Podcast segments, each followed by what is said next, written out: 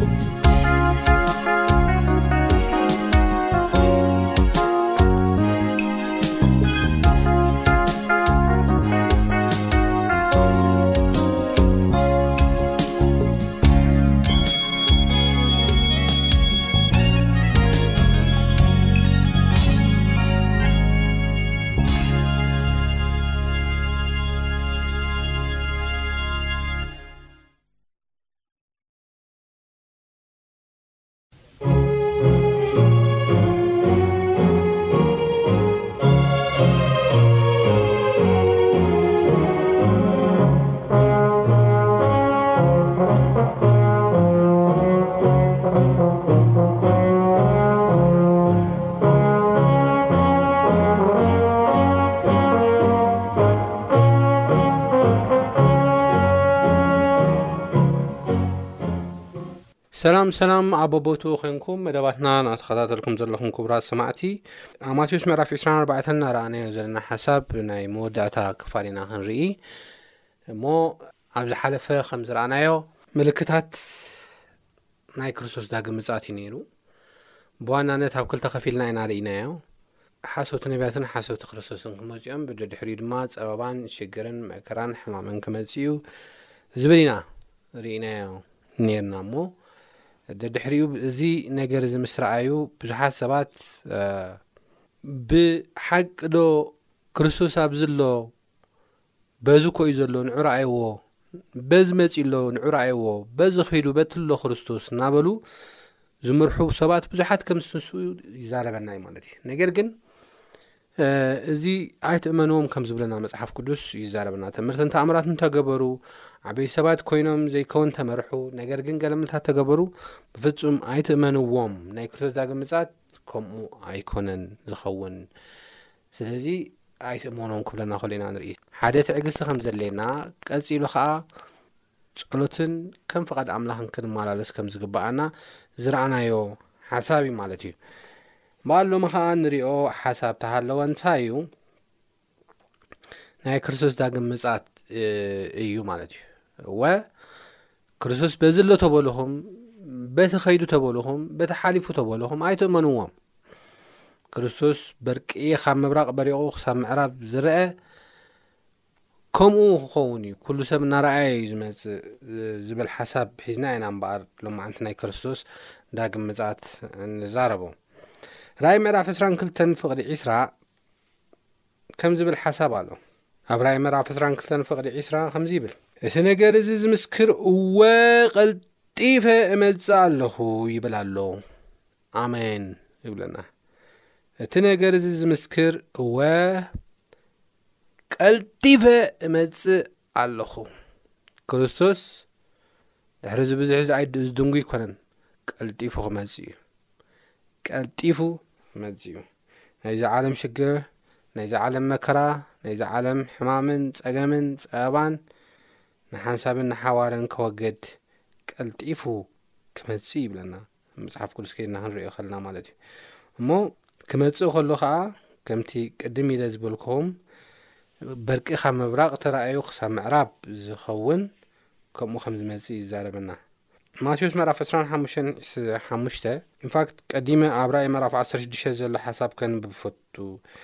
ካብ ራእይ ከይወፀና ራእይ ምዕራፍ ዓሰርተ ሽዱሽተ ፍቕዲ ዓሰርተ ሸውዓተ ክሳብ ዓሰርተ ሸሞንተ እታ ሰብዓይ ጽዋእ ካብ ኣየር ምስ ፈሰሰ ኣብታ ቤተ መቕደስ ካብ ዝፋን ከኣ ኮይኑ ዝብል ብርትዕ ድምፂ ወፀ በርቅታትን ደሃያትን ነጎዶታትን ድማ ኮነ ከምኡ ዝበለ ክንድዚ ዝኣክል ዓብዪ ምንቅጥቃጥ ምድርስ ሰብ ኣብ ምድሪ ካብ ዝፍጠር ከቶ ዘይኮነ ዓቢ ምንቅጥቃጥ ምድሪ ኮነ። እታ ዓባይ ከተማ ኸኣ ኣብ ሰለስተ ኽፍሊ ተመቕለት፣ ከተማታት ህዝባውን ወደቓ። እታ ዓባይ በቢሎን ድማ ናይ ብርቱዕ ቍጥዑ ጽዋእ ወይኒ ክህባ እዩ፣ ኣብ ቅድሚ ኣምላኽ ተዘከረት እናበለ ይዛረብ። ስለዚ የሱስ ክርስቶስ ክመጽእ ከሎ ኣዝዩ ገራሚ ካብ ምዃኑ ዝተላዕለ ኩሉ ሰብ ዝሪኦ ጥራሕ ዘይኮነ ክመፅኡ ከሎ ንባዕሉ ዓብ ምንቅጥቃጥ ምድሪ ከም ዝኸውን ዓብዪ እንታኣሽሙ ከም ዝኾኑ እዩ ዝዛረበና መፅሓፍ ቅዱስ ኬና ክንረእኸልና ማለት እዩ እሞ ኣብ ማቴዎስ ምዕራፍ 25 ፍቕዲ ሓሙሽተ ማቴዎስ ምዕራፍ 25 ፍቕዲ ሓሙሽተ እንታይ ይነግረና መርዓዊ ምስ ደንጎየ ግና ይብል ሓድሓደ ግዜ እነሆ ቀልጢፈ ይመፅእ ኣለኹ ዝብል ቃል ንብዙሓት ኣበሎ ደኣ ክርስቶስ ኣበሎ ደኣ ጎይታኹም ንምንታይ ደይመጽእ ደኣ ኢሎም ክዛረቡን ክዝክሩን ይገብሮም እዩ ነገር ግን መጽሓፍ ቅዱስ እንታይ እዩ ዝብል ካብዚ ዝተላዕለ ብናቶም ኣረኣያ ስለ ዝደንጎ ኣብቲ ተፀበዮ ስ ዘይኮን ኩሎም ትኽስ ከም ዝብሉ ከም ዝደኽሙ እዩ ይዛረበና ነገር ግን ክርስቶስ ብርግፅ እወ ቀልጢፈ ይመጽእ ኣለኹ ዝበለ ጎይታ ብርግጽ ከም ዝመጽእ ኢና ንርኢ ብኣዝዩ ግሩም ኣማጻጻ ብኣዝዩ ዝገርም ኣገላልጻ ከም ዝግለጽ እዩ መጽሓፍ ቅዱስ ዝዛረበና ማለት እዩ ኣብ ዝመፀሉ እዋን ኣብ ዝመፀሉ እዋን ራእይ ምዕራፍ 6 ፍቕዲ 14 ኮይና ንርእየሉ እዋን እቶም ብኡ ዘይኣመኑ እቶም ቃሉ ዘይተቐበሉ ምስ ሓጢኣቶም ክነብሩ ዝፈተዉ ሰባት እንታይ እዮም ዝብሉ? ራእይ ምዕራፍ 6 ፍቕዲ 14 ሰማይ ከም ዝጥቕለል ክታብ ኣግለሰ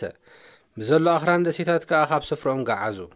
ነገስታት ምድርን መሳፍንትን ሓላቑ ኣሽሓትን ሃብታማትን ሓያላትን ኩሎም ባሮትን ጨዋታትን ኣብ ነጎድጓድ ኣብ በዓታት ኣኽራን ተሓብኡ ነኽራን ንሓኻውሕን ድማ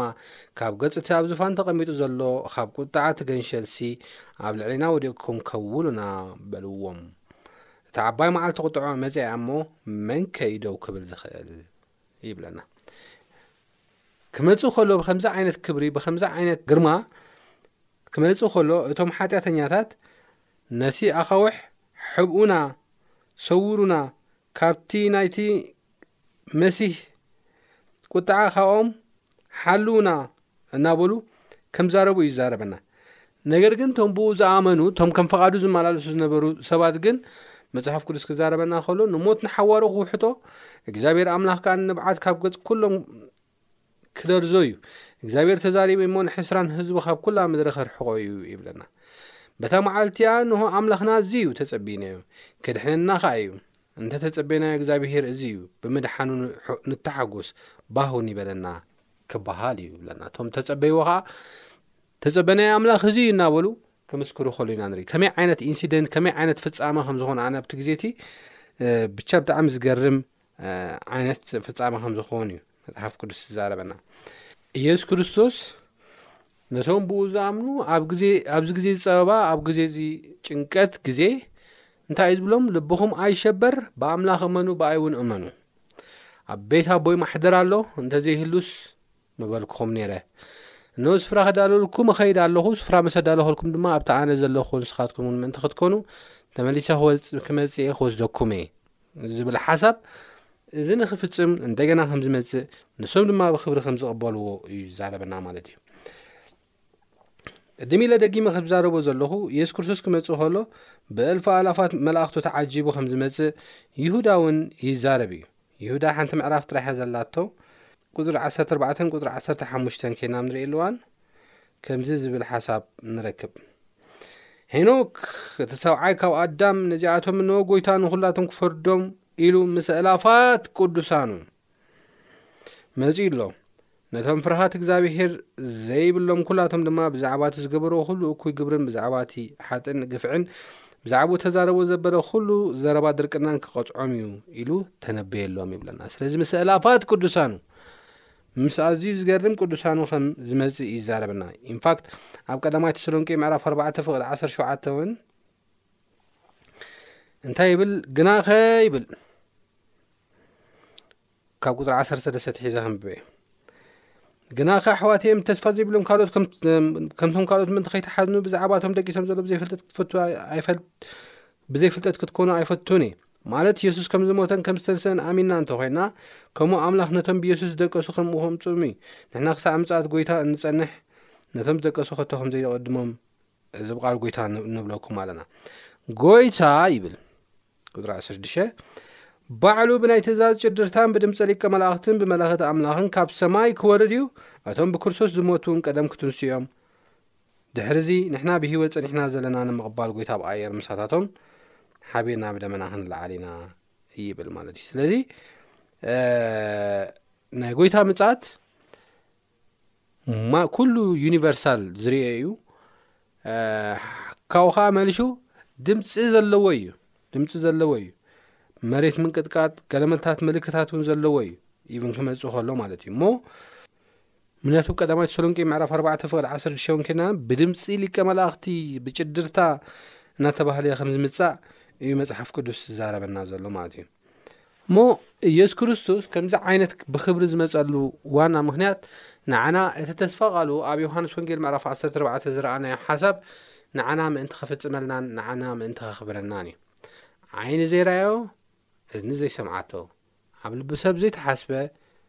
እግዚኣብሔር ነቶም ዝፈትዎ ነቶም ዝፈትዎ ነቶም ዘፍቅርዎ ዘዳለወሎም ምእንቲ ከውርስን ምእንቲ ክህብን ኢየሱስ ክርስቶስ በዚ ዓይነት ክብሪ ከም ዝመጽእ እዩ ዝዛረበና እሞ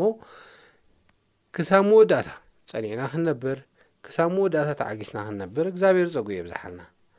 ኣብ ዝቐጽል ናይዚ መቐጸልታ ሒዘልኩም ክቐርብ እና ኣብ ዝቐጽል ብኻልእ ክሳብ ንራኸብ ሰላም ኩኑ እግዚኣብሔር ይባርክኩም